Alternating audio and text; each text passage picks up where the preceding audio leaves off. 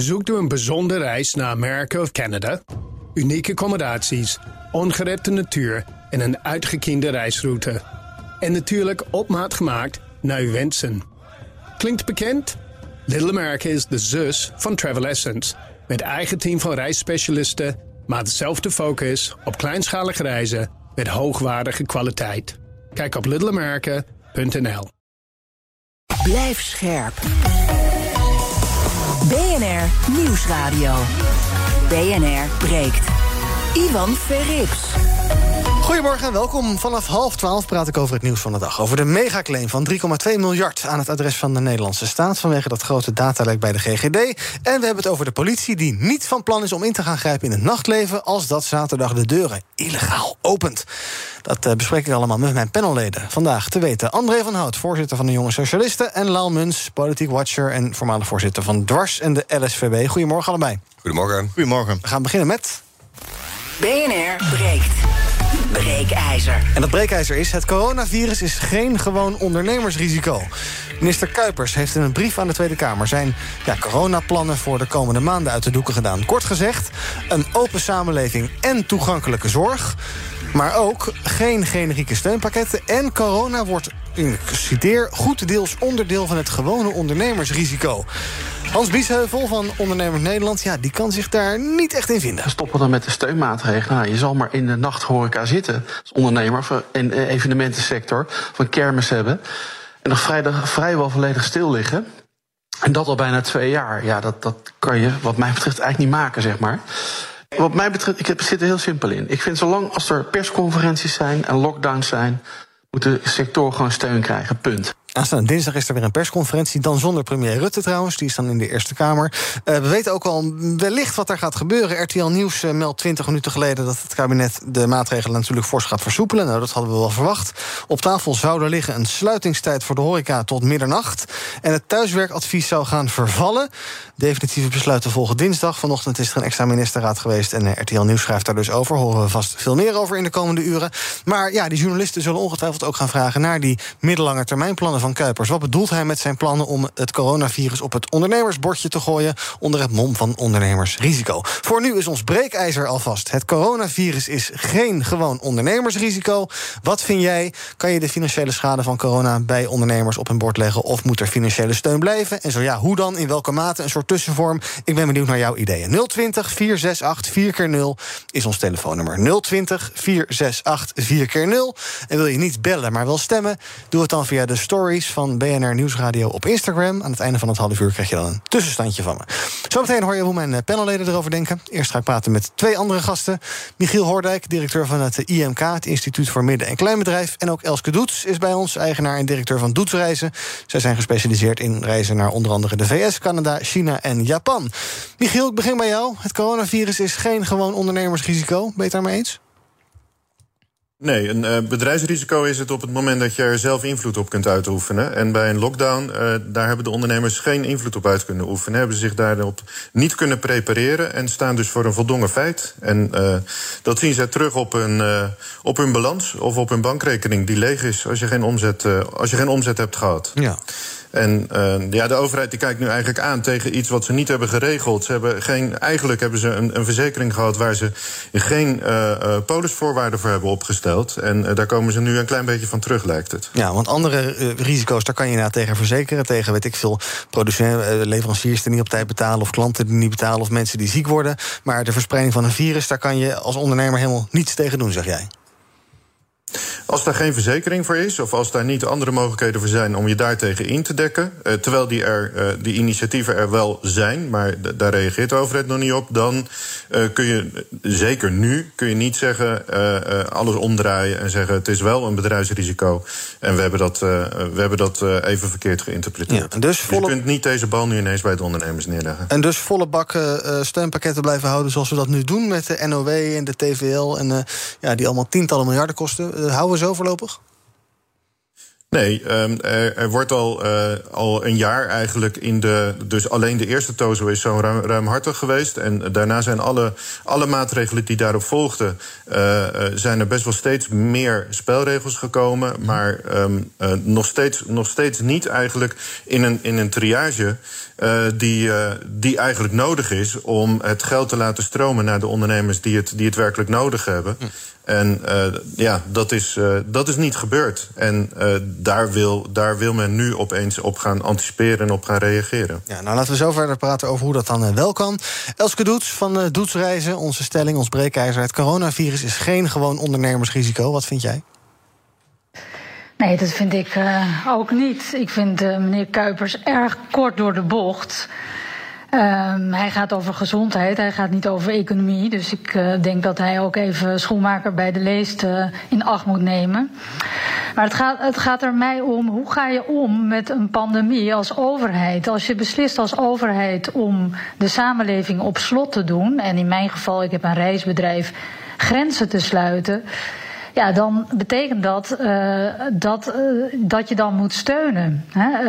Het gevolg van het sluiten van een samenleving, of de oorzaak daarvan, ligt natuurlijk ook in die zorg. En daar moet meneer Kuipers zich inderdaad heel erg druk om maken. En ik zou zeggen, ga zorgen uh, voor meer IC-bedden en meer capaciteit in die zorg. Want omdat die zorg zo erg is verschraald onder het neoliberale bewind van de VVD, die natuurlijk al jaren aan de macht is, zitten wij dus nu als ondernemers die getroffen zijn op dat strafbankje. En dan kan je ons niet gaan straffen door dan ook steun uh, terug te gaan trekken. Want dat ligt volledig buiten mijn invloedssfeer dat grenzen gesloten werden. Dat ik dus geen reizen kon organiseren. En uh, daardoor dus geen omzet had. Dus, uh, maar Kuipers die zegt, ja, ja uh, voor de middellange termijn uh, de, is het doel... de samenleving open en toegankelijke zorg. Toegankelijke zorg.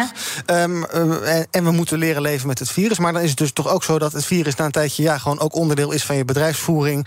En daar moet je misschien ook je bedrijfsvoering op aanpassen. Dus dat, dat ja, misschien... Ja, hoe kijk je daarnaar?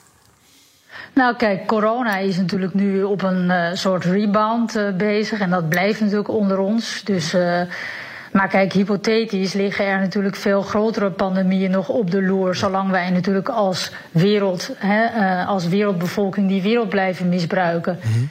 En ik denk dat het ook goed is dat ondernemers, maar ook de politiek gaan nadenken over. Wat is ons antwoord daarop? Moeten wij doorgaan met overconsumptie en overmobiliteit? Ja. Of moeten wij toch ons gedrag wat gaan aanpassen om deze excessen te gaan voorkomen? Want ik denk dat dat een veel interessanter vraagstuk is. Moeten we ook minder gaan reizen met doetsreizen, of dat niet? Nou, ik, uh, dat is een van mijn uh, uh, zeg maar ontwikkelingen ja. tijdens die pandemie. Hè? Want wat doe je nou als ondernemer als je zoiets overkomt? Ik weet dat een heleboel ondernemers onder een tafel gaan zitten, zijn gaan zitten en zijn gaan huilen en afwachten. Maar je kan ook als ondernemer gaan nadenken, inderdaad, zoals ik dat heb gedaan, van ja, wat is nu de oorzaak hier mogelijkwijs van en wat betekent het voor de toekomst? En ik heb dus andere vormen van reizen ontwikkeld. Waarbij mensen dus inderdaad minder impact maken, dichterbij. En inderdaad ook bewust gaan worden dat te veel reisbewegingen.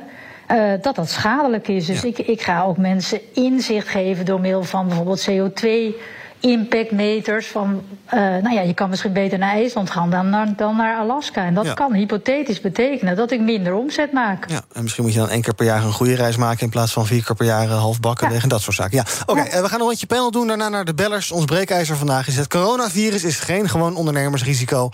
020 468 4 keer 0 is ons telefoonnummer als je wil reageren. En dan spreek ik je zo meteen in de uitzending. André, wat vind jij? Nou ja, het coronavirus zelf zal op termijn heus wel een een, een, een ondernemingsrisico worden. Maar dat is het op dit moment nog niet, omdat uh, de situatie van ondernemers, er werd net al gezegd, ze hebben er geen invloed op en de overheid bepaalt uh, wanneer zij wel of niet dicht mogen gaan. Kijk, als zij op een gegeven moment een hele risicovolle onderneming hebben in de horeca, waardoor heel veel mensen ziek thuis zitten, kijk, dat is een ondernemingsrisico. Maar op het moment dat er lockdowns zitten en er, en er heel veel restricties zitten aan openingstijden en hoeveel mensen je mag ontvangen, wat gewoon direct invloed heeft op je omzet, dan is dat simpelweg geen ondernemingsrisico. Nooit, dat kan gewoon niet. Dat kan je niet zeggen deze manier niet, nee. Nee. nee. Laal? Ja, ik ben het er wel mee eens. Ik denk als de overheid degene is die de beperkingen oplegt en die er ook voor zorgt dat de omzet onder druk staat, ja, dan is de overheid ook degene die uh, zou moeten helpen. En vanaf het moment dat het uh, gewoon alles mag, bij wijze van spreken, dus open, uh, bedrijven kunnen normaal draaien.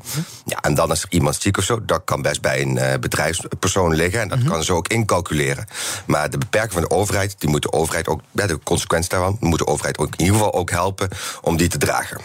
020 468 4 keer 0 ons spreekijzer vandaag. Uh, het coronavirus is geen gewoon ondernemersrisico. Ik ga naar de bellers, even kijken wie er al het langst aan de telefoon hangt. Het is altijd sympathiek om die als eerste voor te laten gaan. Jeroen, goedemorgen.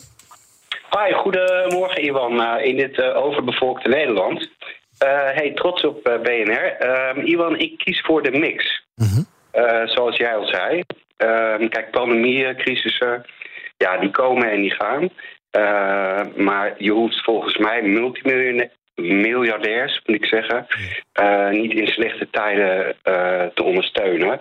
Maar arme mensen kunnen in tijden door de overheid wel gesteund worden. -hmm. dus mijn vraag is eigenlijk: doen overheden genoeg om die kloof tussen ja, de multimiljardairs, moet ik zeggen, en ja, zeg maar arme mensen te overbruggen? Ja, goede vraag. Ga ik zo voorleggen aan mijn panelleden, ook aan Michiel, kijken hoe hij er, of hij er ideeën over heeft. Hoe, uh, hoe je ervoor zorgt dat geld op een goede plek terechtkomt en misschien iets minder generiek. Uh, Frodo, goedemorgen. Hey, goedemorgen, Iwan. Uh, ja, ik verbaas me iedere keer weer over hoe deze minister en dit kabinet de mensen op de kast kan krijgen. Dat vind ik echt applaus. Applaus. Ja. Ik zie de ondernemers nu als de nieuwe Groningers. door het toedoen van de overheid uh, ja, helemaal lam leggen en dan zoek het zelf maar uit. Ja. Moet je dan verbaasd zijn dat extreem rechts gaat groeien? Niet dat ik ga stemmen, ik ben er geen fan van. Maar ik snap het wel. Uit wanhoop gaan ondernemers uh, ja, radicaliseren. Dat zie ik gewoon gebeuren. Ja, als ik dit zo hoor, dan eh, denk je ook dat dit geen stand gaat houden. Want dan staat het uh, Malieveld binnenkort helemaal vol. Ja, nee, precies. Je, je maakt mensen wanhopig. Hè? Ik bedoel, laten we helder zijn. Ja. Dank voor het bellen. Bram, goedemorgen. Hi, goedemorgen. Um, ik ben uh, het deels eens. Ik denk dat het coronavirus een prima risico is om te dragen voor een ondernemer. Ik ben zelf ook ondernemer. Alleen de maatregelen niet. Daar kun je gewoon geen rekening mee houden. Dus als de overheid besluit je uh, de hut uh, dicht te gooien, dan moeten ze daarvoor voor uh, vergoeden. Ja, en, dus, en, dus, en als er een keer uh, iemand ziek wordt, nee, dat kan gebeuren. Daar wil je allemaal zelf wat aan bijdragen. Maar als inderdaad uh, je sector wordt dichtgegooid, daar, dat kan, daar kan je niks aan doen. Dus dat moet daar bij buiten staan. Duidelijk, dank voor het bellen. Tot slot van dit blokje nog even Farida, goedemorgen. Farida? Goedemorgen, sorry, ik hoorde even niet. Zeg het maar.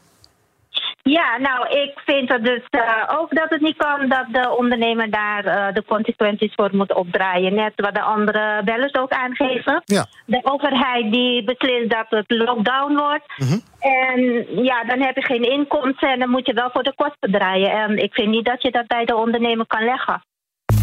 BNR breekt. Ivan Verrips.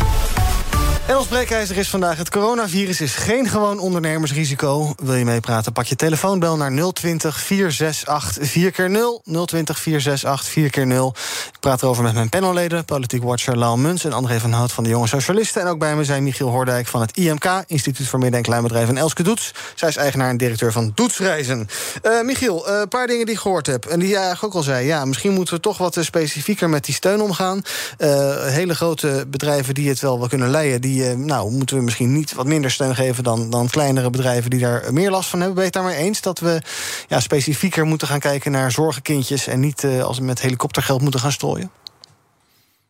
Um, nou ja, laat ik maar kort antwoorden ja. Um, want dan kun je namelijk ook, dan wordt namelijk ook zichtbaar dat bijvoorbeeld het uitstel dat de Belastingdienst uh, geeft uh, om in vijf jaar tijd de belastingsschuld terug te betalen, dat dat voor veel van de ondernemers een veel te korte periode is. En dan wordt, dan, dan wordt dat ook zichtbaar. In plaats van dat je nu kijkt eigenlijk vanuit de helikopterview en nu een conclusie trekt en zomaar zegt dat het geen bedrijfsrisico is. wat echt absoluut het verkeerde moment is.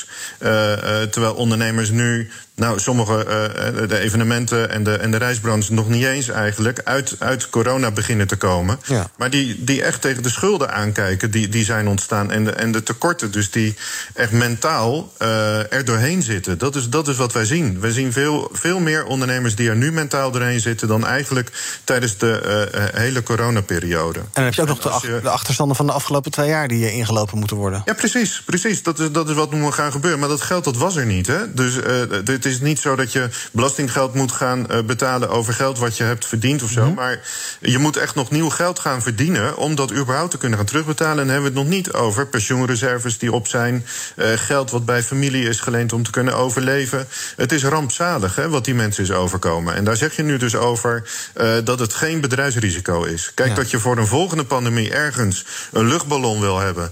Uh, en dat je zegt van nou, de volgende keer moeten we dat nu echt anders aan gaan pakken. Mm -hmm. Allah. Uh, maar zet dan ook de juiste mensen in het, in het, in het team. Hè? De teams die nu worden georganiseerd om naar de toekomst te gaan kijken. Maar laten we alsjeblieft gewoon eens onderscheid maken tussen de mensen die nu echt in de penerie zitten. En wat Elske ook aangeeft, zij, zij, zij zit in die branche. En zij zit echt anders in dit gesprek dan dat de minister, dan dat Ernst Kuiper hier zijn brief nu over heeft geschreven. Ja. En dat, dat, daar hou je geen rekening mee. Dan. En Elske, jij bent natuurlijk ook afhankelijk van, van wat buitenlanden doen. Uh, als Canada de grens dichtgooit, ja. Nou, dan uh, stort bij jou de omzet daarheen ook weer, weer in. dus, ja. dus het is, ja, hoe zou je het wel graag voor je willen zien? Dat je... Nou, ik denk dat het gewoon ontzettend belangrijk is dat er gewoon sectorspecifieke steun is. Hè? Dus in de zin van, nu hebben ze gewoon generieke maatregelen.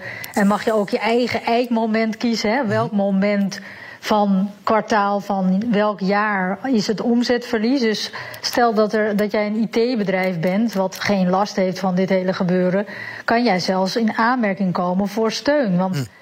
ja, zo werken die regels. En ik denk dat dat niet goed is. Ik denk dat het gewoon heel duidelijk is welke sectoren uh, ja, lijden onder deze crisis. En dat zijn de sectoren die natuurlijk gewoon dichtgegooid zijn. En wat ik ook nog wil opmerken, er wordt altijd van uitgegaan dat uh, ondernemers. Uh, die ene meneer zei dat dat multimiljardairs zijn. Nou, dat, daar zijn maar een paar van op deze wereld. maar mijn bedrijf Doetsreizen bestaat 41 jaar. En ik heb 39 jaar kloppen aan belasting betaald. Um, voor kinderen die op speciaal onderwijs zitten en wat voor allerlei, uh, waar dat allemaal aan besteed wordt. Ja. ja, en nu kom ik dus buiten mijn schuld in deze situatie. Dus schaam ik mij helemaal niet om de steun te vragen aan de overheid. En vind ik dat ook zeer terecht voor al die belasting die ik al die jaren heb betaald. Even naar mijn twee politieke dieren in de studio. André, als ik dit hier zo hoor, is er weinig uh, steun voor dit plan van uh, meneer Kuipers. Gaat hij zich hier gigantisch aan vergalopperen? Die indruk krijg je wel een beetje. Ja, ik weet niet of hij hier naar gaat luisteren, moet ik heel eerlijk zeggen. Op een gegeven moment zal het natuurlijk wel moeten. Ik denk dat als hij het niet doet, dat er wel echt massale opstand zal komen. Zeker van een hoop ondernemers en mensen die solidair zijn aan ondernemers. Het is jarenlang, even, nu de afgelopen jaren in coronatijd, is enorm uh, rondgecirculeerd dat je je lokale ondernemers moet steunen. Mm. Nou, die gedachte die heerst nog steeds bij mensen. En ik denk dat als het zo doorgaat, dat dan echt wel een, een flink geluid zou worden laten horen. Ja. Lel, voordat ik nog twee bellers aan het woord ga laten, Brigitte en Carlo hangen nog. Die ga ik zo vragen wat zij ervan vinden. Maar ik weet al ze het eens zijn met de stelling. Wat mogen we wel van ondernemers verwachten? Wat je, wat je de afgelopen tijd echt, echt totaal onredelijk was om te verwachten. Mogen wij uh, van hen verwachten dat zij ook de grootste schrik inmiddels wat te boven zijn. En ja, ook op hun manier toch wat meer bijdragen dan de afgelopen tijd. Meer bijdragen in de zin van uh, ja, wat nu dus met z'n allen betaald wordt, dat die ondernemers dat wat meer gaan betalen? Nou ja, ik denk op een gegeven moment. Ja, wat je op een gegeven moment gaat zien. Als, kijk, het punt is dat de beperkingen ervoor af moeten. En dan kun je ook meer van ondernemers gaan verwachten. en ik weet ook niet wat Kuipers precies bedoelt in zijn brief. Bedoelt hij, oh, ik ga de beperking eraf doen en dan, dan houden we ook de steunmaatregelen op. Ja, dan is het niet zo controversieel. Als de bedoeling is van, nou, we houden de beperkingen. Mm -hmm. uh, en we houden nog een deel van de beperkingen, maar we geven de steun niet meer. Uh, ja, dat is natuurlijk wel heel erg ingewikkeld. Ja. Dus het gaat erom die beperkingen weglaten. En dan zul je nog altijd een effect hebben van dat virus. Hè. Veel mensen die moeten thuis blijven, moeten in quarantaine zitten. Dat zal ook voorlopig nog niet weggaan. Ja, dat is een stukje, dat hebben we allemaal te dragen als samenleving. Uh, en daar kun je van ondernemers ook iets vragen. En net zo goed als andere sectoren, net zo goed als andere mensen. Maar ik denk wel, eh, zolang je de beperking houdt, dat ook die verantwoordelijkheid van de overheid blijft. Brigitte of Brigitte, goedemorgen. Ja, goedemorgen, hallo. Um, ja, ik ben bezig met de stelling, maar ik vind uh, dat ondernemers daar niet voor op moeten draaien. Mm -hmm. Ben altijd bezig eh, geweest bij economische zaken met het proberen het klimaat in de winkelgebieden optimaal te houden. Ik vind een overheid is voor de randvoorwaarden, zodat ondernemers kunnen doen waar zij goed in zijn, is ondernemen en innovaties bedenken. Nou, als je dingen gaat opleggen aan ondernemers wat ze allemaal niet kunnen, eh, dan denk ik van ja, dan, dan, heb je, dan kun je ook innoveren dat je omtrekt, maar op een gegeven moment is het op. En ik heb zulke schrijnende verhalen gehoord van ondernemers dat ik denk van, en vooral in de retail is er een geval eh, met, met de, en dan denk ik van, ik vind er meer maatwerk nodig is als je maatregelen neemt. En zeker eh, als een ondernemer in zijn vrijheid wordt beperkt om te ondernemen, dat je, dat je daar dan iets tegenover moet stellen. En de overheid moet, ja, en ondernemers kunnen wel wat doen aan hun werkklimaat, aan gezondheid, aan gezonde werknemers.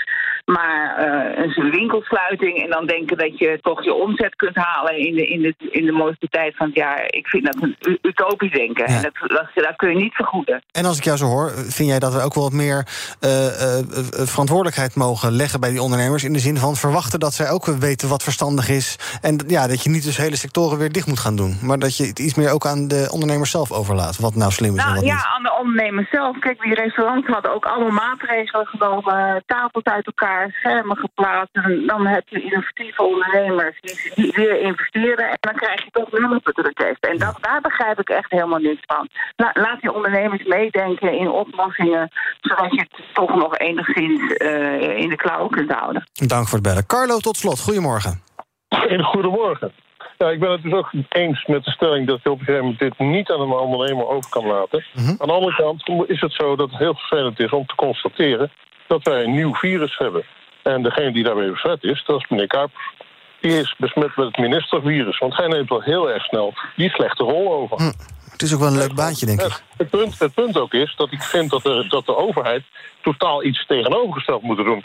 Vanwege het feit dat die ondernemers zo in de pinaire zitten, vind ik dat ze bijvoorbeeld, om een voorbeeldje te noemen, de ontstaande belastingsschuld van een slechte omzet gewoon volledig moeten kwijtschelden. Ze moeten wat doen, ze moeten die mensen steunen in plaats van ze nekken. En dan ten laste van de staatsschuld. Dan laten we dat maar een stukje oplopen nog. Absoluut, interesseert ons niks. Kom, gewoon doen. Dat is toch gratis. staat toch wel aan. Het wordt toch gewoon goedkoop geld, wordt toch maar gewoon maar doorgedrukt zonder dat er goud Ja, staat. er kan wel een paar miljard tegenaan. Dankjewel, Carlo, ja. voor het bellen. Eh, tot zover ons eh, breekijzer. Dank aan mijn gasten Michiel Hoordijk van het IMK... het Instituut voor Midden- en Kleinbedrijf... en Elske Doets van Doetsreizen. Ons breekijzer was en is nog steeds... het coronavirus is geen gewoon ondernemersrisico. Op Instagram is 72% het daarmee eens. In de uitzending is denk ik zo'n 100% het daarmee eens. Je kan nog de hele dag stemmen.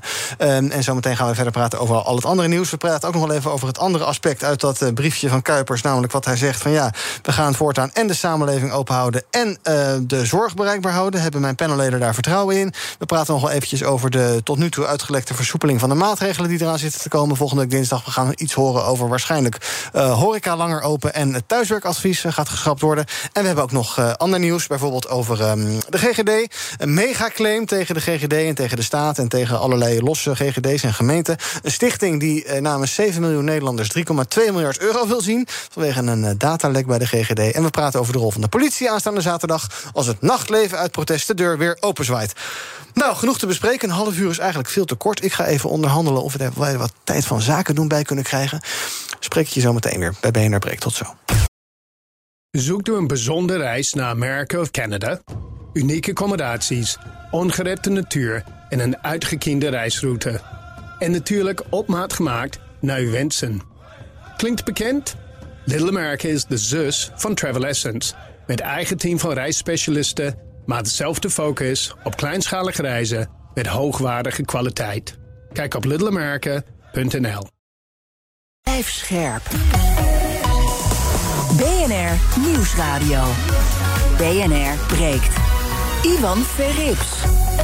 Welkom terug. In mijn panel vandaag André van Hout, voorzitter van de Jonge Socialisten... en Lau Muns, politiek watcher. En we gaan praten over het nieuws van de dag. Ehm, eh, te beginnen eventjes met eh, zojuist via allerlei media... RTL, NOS, Nu.nl eh, alvast gelekt... dat er wordt gedacht over komende versoepelingen komende dinsdag. Nou, dat die op het programma stonden, dat wisten we al. Maar iets concreter wordt het. Er wordt nagedacht over langere openingstijden voor de horeca. Schrappen van het thuiswerkadvies. Dat zijn twee van de versoepelingen die op tafel liggen bij het kabinet. Er is vandaag een extra ministerraad geweest... en volgende week worden er dan besluiten doorgenomen... en die gaan ook gelijk in. Verder zal de anderhalve meter maatregel in de horeca mogelijk verdwijnen. Net als de regel dat klanten moeten zitten. En er wordt ook nog eh, dus gesproken over hoe lang die horeca nou echt mogen open blijven. Zou eh, RTL Nieuws gemeld hebben. Ehm, bovendien gaat het eh, advies voor het aantal gasten dat je thuis mag ontvangen verdwijnen. En zouden over enkele weken weer wat festivals en grote evenementen mogen plaatsvinden. Maar dan moet er wel vooraf getest worden. Dit is wat wij tot nu toe weten. Muns, wat is jouw eerste reactie? Nou, dat klinkt eigenlijk eh, best wel goed. Eh, ik denk sowieso het nachtleven, hè, dat is nog wel iets dat ik denk heel, dat heel veel gemist wordt door mensen. Ook eh, door jonge mensen die natuurlijk hier in de grote steden wonen en graag eh, wat van hun leven willen maken. Trouwens ook in, in kleinere dorpen. Dus eh, dat is wel een, een groot thema nog dat, eh, en dat waaraan gemerkt moet worden. En eh, nou, ik hoor, hoor dus dat daar eh, goede stappen genomen worden. Ja, ook blij mee als je dit hoort, André? Ja, ik ben daar zeker blij mee. Ook als ik kijk naar mijn omgeving eh, van heel veel jongeren die, eh, die toch wel thuis zitten, een beetje, een beetje moe zijn. En het hielp al dat je in ieder geval tot tien uur de horeca uit mag. Maar dat die anderhalve meter losgelaten kan worden, dat is, eh, dat is een verademing voor velen, denk ik. Goed, later vandaag eh, meer hierover. Uiteraard op eh, BNR. Onder andere, denk ik zomaar bij onze collega's van in de middag vanaf 4 uur. Dan nog eventjes terug naar eh, waar we het vorig uur over hadden. Die brief van Kuipers, die toch een soort middellange termijn ja, idee schetst. En daarbij zegt hij, en dat is interessant, hij wil eh, de samenleving open houden. ehm, leven met het virus en ook vooral de zorg beschikbaar houden. En dan vraag ik me heel erg af, ja, we weten nu Omicron, kennen we ongeveer, dat gaat de goede kant op. Maar ja, wie weet hoe dat bij een volgende variant gaat als die komt. Eh, André, als je dat zo hoort, denk jij dan van ja, de samenleving open houden en de zorg beschikbaar houden? Dat klinkt natuurlijk geweldig, dat zou moeten. Maar zijn we niet al ja, te vaak eh, verrast en konden dan alle eh, plannen, draaiboeken, stappenplannen, routekaarten, ideeën over de toekomst allemaal gewoon weer de prullenbak in? Dan moeten we ons hier niet te blij op staren. Nou ja, wat volgens mij het belangrijkste is om te benoemen over, over die brief van Kuipers hierin, is dat hij van vier eh, aandachtspunten naar twee is teruggestapt. Eh, die eerste vier was in ieder geval kwetsbare, eh, economie, zorg en nog één en dan vergeet ik hem. Zicht houden op het virus, denk ik. Zicht houden op het Zoiets. virus, zoiets inderdaad, zoiets vaags. En nu, is het, nu zit het bij twee, namelijk economie en maatschappij. En aan de, aan de andere kant ook zorg eh, open houden. Nou, dat is volgens mij best wel een essentiële wijziging in de, in de houding van, eh, van het kabinet. Namelijk, ja, je kunt de kwetsbaren kun je continu wel in het oog blijven houden. Maar je zult ook moeten kijken wat is voor de maatschappij in, eh, in zijn totaliteit eh, werkbaar. En hoe kun je ervoor zorgen dat mensen toegang hebben tot zorg. Want dat is de afgelopen twee jaar echt een schrijnend probleem geweest van mensen die eh, zijn overleden. Waarbij dat niet nodig eh, was geweest als er geen corona was.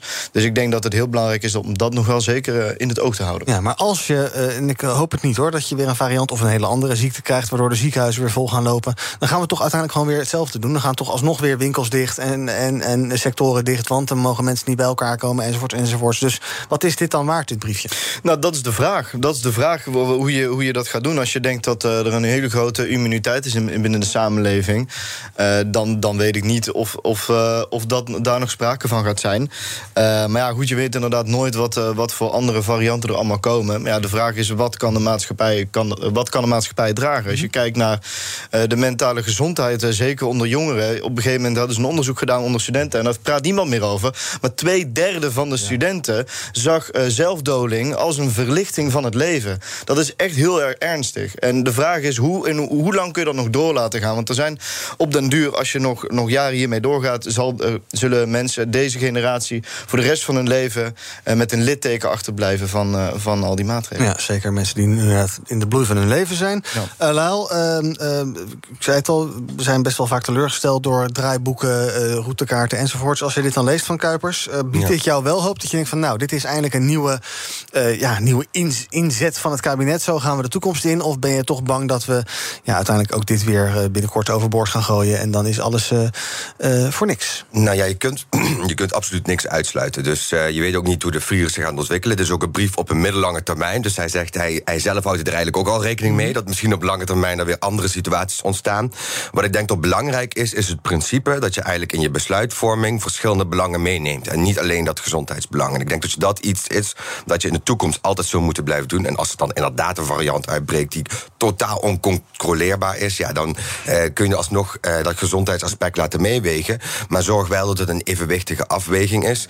En ga ook kijken naar eh, bijvoorbeeld als je eh, met boosters moet werken, dat je daar op tijd mee begint. Of eh, dat je altijd ook goed blijft testen. Hè. Dus er zijn een aantal maatregelen die moet je blijven nemen. En dan moet je als Nederland eigenlijk niet de, hele tijd ja, het kindje in de klas zijn dat helemaal achteraan staat, bij wijze van spreken. Want we hebben ook gezien dat in deze, deze nieuwe golf, hè, waar deze nieuwe lockdown we net afkomen, dat er landen waren die helemaal niet zo'n vergaande maatregelen hoefden te nemen. Dus laten we ook vooral daarvan leren. Alright, nou laten we het hopen dat we van de afgelopen twee jaar geleerd hebben en eh, dat we daar ons voordeel mee doen in de toekomst. Ander nieuws van vandaag heeft, of eigenlijk van gisteravond, heeft te maken met de GGD's. Een belangenorganisatie kondigt namens 7 miljoen Nederlanders een claim aan van maar liefst 3,2 miljard euro tegen de Nederlandse staat. Allemaal naar aanleiding van dat grote datalek bij de GGD vorig jaar, waarbij medewerkers toegang hadden tot miljoenen privégegevens en die zijn ook daadwerkelijk verkocht aan criminelen, zo onthulde RTL Nieuws. Lel, eh, ja, deze club die probeert nu eh, daar een eh, slaatje uit te slaan. Dat klinkt negatiever dan ik het bedoel, maar die probeert dus ja, een vergoeding voor de slachtoffers, mensen van wie hun data op straat heeft gelegen, bij die GGD-medewerkers te krijgen. Is dat een goed idee dat we al die eh, 7 miljoen mensen 250 euro geven?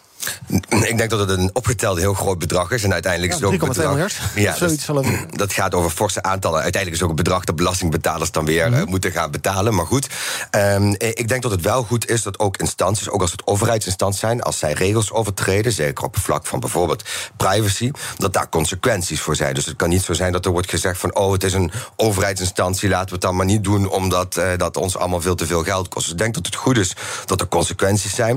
Ik vind wel dat ook een rechter, als ze daar naar kijken, een beetje rekening moet houden met proportionaliteit. En ook eh, moet kijken naar de hoogte van de bedragen. Dus zorg dat je daar een redelijke afwegingen maakt. Maar niet zonder consequenties. Ook het schenden van die privacy. En het niet goed op orde hebben van je administratie. Eh, dat je dat niet zonder consequenties laat gaan. Ja, het is trouwens 500 euro per persoon, dan kom je op die 3,2 miljard uit. Ehm, maar ehm, eh, oké, als je zegt van je kan geen enorme boetes opleggen, want dat is onethisch. Maar hoe kan je dan wel een club als de GGD eh, straffen om ervoor te zorgen dat dit niet meer gebeurt? Nee, je kunt een boete opleggen, maar je kunt wel kijken naar de proportionaliteit. en het is niet zo dat En al die- rekening ermee houden dat het belastinggeld is. Ja, nou, nou, vind ik wel. Maar goed, ik weet niet of dat binnen juridisch kader echt een eh, overweging is. Maar dat zou ik wel wenselijk vinden. Hm. En ik vind het ook een beetje moeilijk te zeggen. Kijk, eh, hoeveel was het per persoon? 250? 500 euro per persoon, over 7 euro. miljoen mensen. En kijk, als jouw telefoonnummer ergens bij een verkeerde persoon terecht is gekomen... ja, tenzij die persoon natuurlijk eh, misbruik heeft Mhm. gemaakt... en echt geld van jou heeft gekregen... maar als er niet aantoonbaar ook eh, financieel leden is gelegen... vind ik niet zomaar dat iedereen dan ook 500 euro moet krijgen. Dus er moet wel een beetje gekeken worden naar... welke schade is er echt eh, geleden. Ja. Wil jij, ik weet niet of jij in het systeem staat bij de GGD. Je bent vast een keer getest. Of gevaccineerd, of allebei. Of eh, alles meerdere keren. Zou ook wel kunnen. Eh 500 euro ligt in het verschiet. Gefeliciteerd. Ben je er blij mee? André? Ja, Mooi dankjewel. man, gratis meegenomen. Ik wil 500 net euro. zeggen, eh, nou ja, goed. eh, misschien Zelf al, eh, betaald, maar goed, ja. eh, Misschien een stukje extra compensatie voor mijn studieschuld. eh, kan, ik kan ik daarbij rekenen? Eh, nee, maar ik denk dat je daar wel heel goed naar moet kijken. Want eh, ze hebben natuurlijk een enorme schadeclaim op, eh, ja, opgeëist eh, van, eh, van de overheid, van de staat. Eh, maar ja, ik ken natuurlijk de verordening niet, de, de, de algemene verordening eh, van de eh, ja, persoonsgegevens. ken ik niet uit mijn hoofd natuurlijk. En ik weet niet wat de strekking precies daar, daar zal zijn. Maar het, het is natuurlijk wel die 7 miljoen mensen. Dat is potentieel eh, dat die in gevaar zijn gekomen. En daar kan al een boete opgelegd worden. Of dan mensen zelf recht hebben op die 500 euro zonder schade te hebben geleden. Nou, dat vraag ik mij in juridische zin af. Ehm, eh, maar ik denk dat als. Wat zou je redelijk vinden? Mensen die echt daadwerkelijk Nou ja, als er bewezen kan worden dat eh, de gevallen die dan daar zijn beland en echt verhandeld zijn, nog los aan wie, dat maakt niet uit of dat een crimineel is of niet. Als dat is verhandeld zonder toestemming, dan kan daar gewoon een, een schadeclaim over worden ingediend. En ik denk dat de GGD sowieso wel een boete kan verwachten. Ja. Eh, maar goed, daar gaat de rechter niet over, daar gaat eh, de Europese Unie over. De Gelderlander die kopte vorige week nog ergens een artikel waarbij ze schreven: GGD laks met beschermen privacy. Ook oud-medewerkers die kunnen van het huis nog steeds bij gegevens. Dus het is nog steeds een puinhoop. Nou weten we dat de overheid en ICT dat dat nou niet echt een hele gedroomde combinatie is. Aan de andere kant, alles is met stoom en kokend water opgezet. Ehm, maar ja, zo'n lek dichten, dat zou toch het eerste moeten zijn wat je doet nu?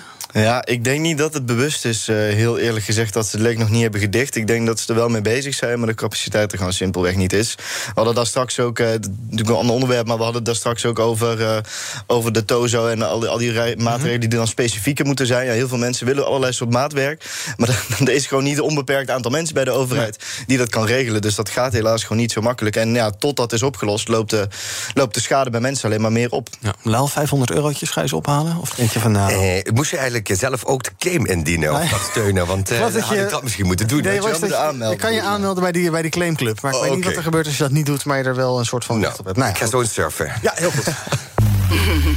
BNR breekt. is toch makkelijk verdiend, waarom ook niet. Thomas van Zel, Hallo Ivan. 500 euro ligt er voor jou. Gefeliciteerd. Nou, daar doe ik het niet voor. Oh, dat vandaag praten over het grote geld. Oyens en Van Egen, de vermogensbeheerder... die gaat eh, verder door het leven als Delen Private Bank. En ik praat erover met eh, de directeur, de topman van die vermogensbeheerder. Wat verandert er namelijk? Er was altijd een vermogenseis. Je moest een eh, x-aantal euro's vrij te besteden hebben om te beleggen. Dat laten ze los om laagdrempeliger te worden. Ook voor jongeren. En misschien is dat wel met het oog op de toekomst. Want er komt een grote erf komt eraan van alle babyboomers... die eh, eh, met de koude of de warme hand het vermogen achterlaten. Dus dat betekent dat jongeren ook eh, moeten gaan nadenken... over wat ze met in sommige gevallen veel geld gaan doen. Daar gaan we over praten. Het is ook de dag dat er heel veel cijfers zijn van bedrijven. Allemaal met een A, hè? denk er maar eens over na. ABN AMRO, Adyen, Axo, Egon. Als je tegenwoordig op, op, op, Het is op allemaal alfabetisch. Oh, ja. Nee, dus morgen beter bed. Wat hebben we nog ja, meer? ja, Eh, ehm, Bezi. ja, Bezi, ja. Nou, zo kunnen we nog wel even doorgaan. Ik, ik betwijfel dat trouwens, maar goed, we gaan er wel aandacht aan besteden. Het, het lobbypanel is er, onder andere over alle versoepelingen die eraan komen. De slagkracht van Mona Keizer, misschien wel groter buiten de politiek dan daarbinnen. Eh dus dat komt allemaal aan de orde. Serieus, het, ik, ik weet het nu al niet meer hoe het er allemaal in gaat passen, maar het gaat lukken. Oh, en ik wilde eigenlijk ook nog een paar minuten bij jou eh, weghalen. Nee, nee, nee, nee, nee, nee. Doei! Oké, tot zo. Thomas van Zel, zaken doen. BNR breekt. Nou, dan persen wij dat hele draaiboek er nog maar even doorheen in de komende acht minuten. Eh, we gaan eerst praten over het eh, klimaat. Wat bleek vannacht? Het klimaatdoel dat de rechter het kabinet heeft opgelegd... is behaald, blijkt uit cijfers van de emissieregistratie van het CBS en het RIVM. In totaal lag de CO2-uitstoot op in 2020 25,5% lager dan in 1990. En het doel was 25% En dat is dus gehaald. Feest, gefeliciteerd. Wat fijn, André. We zijn helemaal goed op weg met het klimaat. Ik denk dat er eh, zeker stappen vooruit zijn gezet. Maar zoals eh Minnesma zelf ook zegt, ik denk dat het ook wel te danken is. Mede dankzij, eh, niet per se door, maar in ieder geval dankzij ja, meevallers. Zoals in de coronacrisis. Ja. Toevalligheden, zegt ze ook een beetje. Ja, toevalligheidjes. Beetje thuiswerken en zo, dat scheelt enorm. Ik denk dat het wel enorm scheelt. Maar alsnog zijn we in ieder geval ergens naartoe aan het gaan. Maar ja, ik hoop dat ze. Nou ja, dat is in ieder geval ons doel. eh, Dat we 60% eh, kunnen behalen in, eh, in, Ja. in 2030. Maar dat. eh, Nou, pandemie is goed voor de CO2-uitstoot. Eh, ja, tenminste voor de mobiliteit. Het ging erover, kijk, een groot deel van die eh, terugval hè, in de uitstoot... dat ging over ook de kolencentrales niet meer zo intensief gebruiken. Dus dat is heel goed. Hè. Dat is echt ook een keuze van het kabinet geweest. Nee, een ander stukje is inderdaad die mobiliteit. Ja, dat hangt alles samen met de coronacrisis. Maar dan zal je als kabinet natuurlijk, als je de samenleving weer opengooit... gaan mensen weer naar hun werk toe. Dus dan zul je ook moeten kijken hoe je op dat soort vlakken... structurelere keuzes kunt maken. Hoe je mensen meer stimuleert het openbaar vervoer te gebruiken... of soms maar gedeeltelijk met de auto naar het werk te komen. Dus daar blijft nog altijd groot en veel werk liggen. Ehm, nou, en ik hoorde ook al dat Urgenda er heel erg alert op gaat zijn... dat ook voor de komende jaren in ieder geval de doelen gehaald worden. Vond je het niet ook een beetje zuur? Want zij zeiden dus van ja, het is, eh, eh, het is inderdaad be- behaald aan de hand van toevalstreffers en wij eisen meer actie. Je kan toch ook zeggen, nou fijn dat het gehaald is. Eh, Compliment aan de eh, staat. Hebben ze goed opgepakt na. het, nou, ja, maar ja, dus als je, als je dus moet constateren eh, dat een deel van eh, die terugval niet te maken heeft met hoe de staat gehandeld heeft, ja, dan hoef je ook niet trots te zijn op de staat dat ze het goed gedaan hebben. Het stukje kolen bijvoorbeeld, ja, nee, dan mag je natuurlijk. Dat, dat, ja, je hoeft ook trouwens niet trots te zijn dat de staat eh, het gedaan heeft, überhaupt niet, want dat is hun plicht. Dat is ook de uitspraak van die rechter. En eigenlijk ehm, is het ja, diep triest dat die rechtszaak er überhaupt had moeten komen, want eigenlijk had de overheid uit zichzelf beleid moeten maken. Dus ik, ik snap, ja, je hoeft niet zuur te zijn, maar ik snap natuurlijk dat er nog altijd iets van chagrijn zit. Zij denken eigenlijk misschien, we hebben het gehaald eh, ondanks de staat in plaats van dankzij de staat. Eh alright, ehm, we gaan kijken over wat jullie opviel in het nieuws vandaag. En Laal, jij wil het hebben over een bericht van de Wereldgezondheidsorganisatie. Zij zeggen dat er heel veel geld nodig is, 16 miljard, om corona in arme landen aan te gaan pakken. Nou ja, inderdaad. Dus je ziet dat de wereld. dat, er is iets dat heet de corona-ongelijkheid. En als je eigenlijk dat virus wil aanpakken. en ook voor wil zorgen dat er niet allerlei tientallen andere nieuwe varianten ontstaan. ja, dan is je beste optie ook te zorgen dat overal in de wereld mensen gevaccineerd kunnen worden. dat er mensen getest kunnen worden. Nou, daar zijn ook afspraken over gemaakt binnen de Wereldgezondheidsorganisatie. Daarvoor is gezegd, nou, de rijke landen die het wat meer kunnen dragen. die zouden eigenlijk ook moeten bijdragen met de vaccins.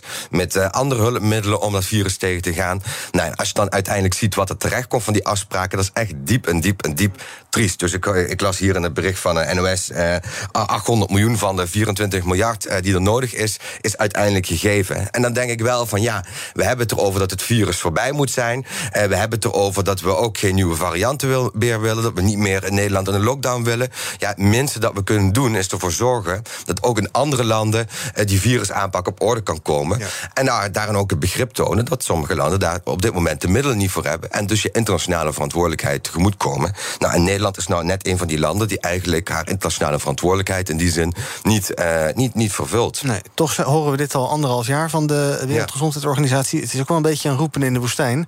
Heel idealistisch, maar eh, ja, het gebeurt maar niet. Uh, omdat we ja, ik vind het druk hebben met onszelf, blijkbaar. Ja, ja dat roepen in de woestijn inderdaad. Ik vind het niet idealistisch, want het gaat helemaal niet over de ander helpen. Het gaat niet over filantropie, dat je je zorgen maakt over het welzijn van de ander. Het gaat over de hele onszelf eigenlijk. Ons eigen, ons eigenlijk onze eigen gezondheid. Het openhouden van onze eigen samenleving is afhankelijk van hoe succesvol de corona-aanpak wereldwijd is. Dus laat het vooral niet zien als oh, we moeten zielige mensen in andere landen gaan helpen. Laat vooral zien als we're in this together en moeten ook samen met oplossingen komen. André, denk jij dat nu we in uh, de westerse wereld een beetje met corona de goede kant op lijken te gaan, dat dit een soort momentum kan zijn om uh, toch nog eens aan uh, het helpen van andere landen te denken? Of zal de WHO altijd een roepen in de woestijn blijven? Nou, ik denk dat het, dat het zeker nodig is en dat het ook zeker kan. En dat is wat ook net zegt. Het gaat niet over, over ontwikkelingshulp mm. of, uh, of, of, of, ja, filantropie inderdaad. Het gaat echt over ook het beschermen van onze eigen, van onze eigen gezondheid. Want wat we ook al zagen met dat, uh, dat het COVAX-programma niet goed werd voldaan... is dat er in andere landen andere varianten, zoals die Omicron-variant... opeens ontstaat, waar wij zelf vervolgens last van hebben. Maar ja, het collectieve geheugen is niet echt enorm groot. Dus mensen vergeten alweer wat deze, waar deze virusvariant vandaan komt. Dus dat zal iemand in de politiek of in de maatschappij echt op moeten staan om daar werk van te maken, zodat dat daadwerkelijk gebeurt. Gaan we tot slot van deze uitzending nog even kijken naar wat er trending is op de socials. Nou, uiteraard nog steeds hashtag onverdeeld open. Uh, de petitie opgezet door onder andere Mona Keizer... Tegen de, voor de afschaffing van de coronapas. Die krijgt steeds meer handtekeningen, inmiddels zo'n 780.000. Vandaag staat voor de Nederlandse short track op het programma... hashtag Olympische Spelen. Uiteraard vanaf 12 uur komen toppers zoals Shinky Knecht... Itzak de Laat en Suzanne Schulting in actie. En ook trending hashtag MeToo, hashtag Overmars en hashtag DikPik. Um, nog steeds trending, nu er steeds meer zaken naar buiten komen... over gedrag. Uh, nou ja, we hadden dus al uh, Ajax en daarna is nog uh, PvdA gekomen, VPRO. Het gaat nog eventjes door. Tot slot gaan we het hebben over de nachtclubs die weer open gaan.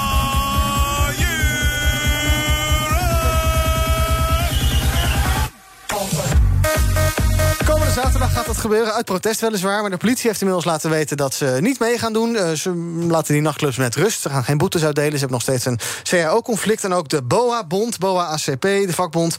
die zegt, uh, ja, kies komende tijd maar lekker voor je eigen veiligheid. En succes ermee. laat het ze maar lekker uitzoeken. Dus de horeca, de, de nachtleven kan komende zaterdag veilig open. want je krijgt geen boetes. Het is wel illegaal, het mag niet. Maar nou, feest. Waar ga je heen, André? Je kan zonder risico op boete... kan je ergens helemaal naar de kloten. Helemaal naar de kloten gaan. Nou ja, ik, ik help uh, demonstraties uh, enorm graag uh, met, hun, met hun doel. Dus ik zal me ook dit, deze zaterdag denk ik wel opofferen... Ja. om ze uit de brand te helpen. Om heel dronken te worden. Dus, maar de, nou, ik vind de actie van de politie vind ik nog steeds wel een hele belangrijke om dat te benoemen. Het is natuurlijk heel schrijnend dat, zeker in de coronacrisis... met al die, met al die protesten, dat ze gewoon continu in de vuurlinie worden gezet... en vervolgens niet fatsoenlijk betaald worden. En maar wordt vanuit gegaan dat ze, dat ze het werk maar blijven doen... en dat ze dan op deze manier op acties eh, uit moeten komen. De politie doet dat bijna nooit.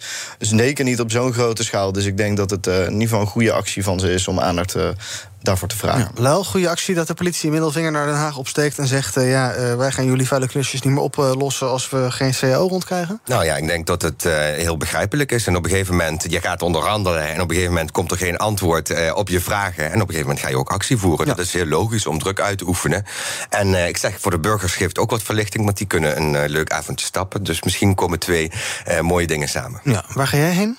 Nou, alle tickets in Amsterdam waren al uitverkocht, dus ik ben diep teleurgesteld. Je moet al die clubs volgen op Instagram en dan kan je daar ja. linkjes, tickets... Uh, ik was niet snel genoeg. Nee, tegenwoordig moet je... optie? Uh, ik ga eens kijken. Misschien ja. is er nog wat leuks te beleven zaterdag. Nou, wie weet, ik hoop het. En dan zal later blijken dat daar in een van die nachtclubs... een nieuwe variant is ontstaan die heel dodelijk is. Dat de hele generatie is uitsterft. Nee, oké, okay, dat gaan we hier later voor, voor, vandaag. Dank jullie wel. Ik ga snel het podium geven aan Thomas van Zel... want die heeft ook heel veel te bespreken. Uh, dank voor jullie aanwezigheid vandaag. André van Hout van de Jonge Socialisten en Politiek Watcher Lel Muns. Morgen is BNR Breekt er weer, ben ik er ook weer. Tot die tijd kun je ons volgen via de socials. Zoek maar even op YouTube, Instagram en Twitter. En waar kwam ik nou achter gisteren via onze eigen Twitter? Dat wij ook op TikTok zitten. Maar dat wij daar nog geen filmpjes hebben. Dus dit is een oproep aan uh, onszelf. Maak filmpjes op TikTok. En dan, uh, ik ben heel benieuwd hoe dat zou zijn. BNR op TikTok. Kan me niet voorstellen. Maar nou, ik ben heel benieuwd. Zometeen is er dus de zaken doen met Thomas van Zel. Tot morgen. Zoekt u een bijzondere reis naar Amerika of Canada? Unieke accommodaties, ongerepte natuur en een uitgekiende reisroute. En natuurlijk op maat gemaakt naar uw wensen. Klinkt bekend? Little America is de zus van Travel Essence. Met eigen team van reisspecialisten, maar dezelfde focus op kleinschalige reizen met hoogwaardige kwaliteit. Kijk op littleamerica.nl.